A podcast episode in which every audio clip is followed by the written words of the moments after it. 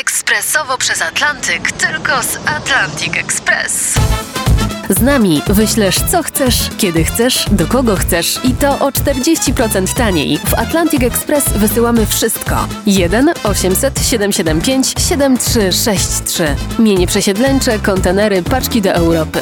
Atlantic Express o 40% niższe ceny na wysyłki, kontenerów, samochodów i paczek. Ekspresowo przez Atlantyk, tylko z Atlantic Express.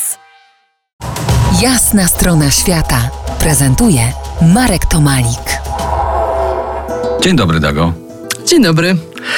Po jasnej stronie świata Dagmara Bożek, polarniczka, autorka książek o tematyce polarnej, tłumaczka języka rosyjskiego. Dago, urodziłaś się w grudniu, tak? Tak, i uważam to za zupełny nieprzypadek. No właśnie, polarniczki, o których będziemy dzisiaj mówić, profesor Maria Olech, urodziła się w lutym. Danuta Siedlecka 3 marca, Danuta Bednarek 1 stycznia. Spiskowa teoria głosi, że urodzeni w zimie lubią zimę i do niej lgną.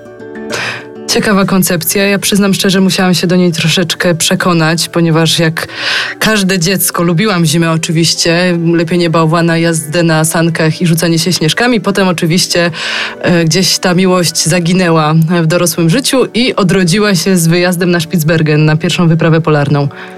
Byłaś uczestniczką wypraw polarnych na Spitsbergenie, na stacji antarktycznej imienia Henryka Arsowskiego po drugiej stronie jak gdyby globu. E, piszesz na swojej stronie internetowej polarniczki.pl, że historia polskiego polarnictwa to historia mężczyzn. Kiedy pojawiają się pierwsze kobiece nazwiska, możesz coś powiedzieć w składach grup zajmujących się wyprawami na Antarktyce i w Arktyce? Jeżeli chodzi o kobiety, które zimowały, bo też y, jakby jedną z definicji polarnika jest to, że jest to osoba, która spędziła cały rok y, w polskiej stacji badawczej. Pol polskiej dlatego, bo interesuje się głównie tą tematyką. Y, więc tutaj te kobiety, które pojawiły się jako pierwsze, to jest Anna Rozwadowska w Polskiej Stacji Antarktycznej imienia Henryka Arctowskiego, to są lata 80. i pani Danuta Bednarek w Polskiej Stacji Hornsund imienia Stanisława Siedleckiego na Spitsbergenie w latach 90., więc właściwie obecność kobiet na zimowaniach jest dość późnym zjawiskiem, a to, że teraz panie jeżdżą regularnie już do stacji obu całorocznych i zimują, no jest praktycznie normą od około 10 lat. Wspomniana dzisiaj strona internetowa polarniczki.pl to zaczyn większego projektu, domyślam się, którego zwieńczeniem będzie książka?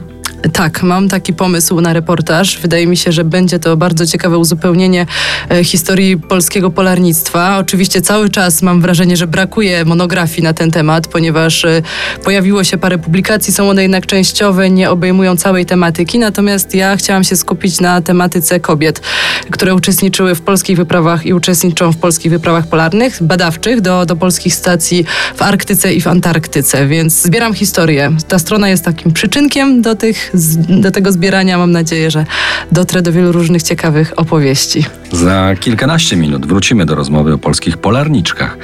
Zostańcie z nami po jasnej stronie świata. To jest jasna strona świata w RMS Classic.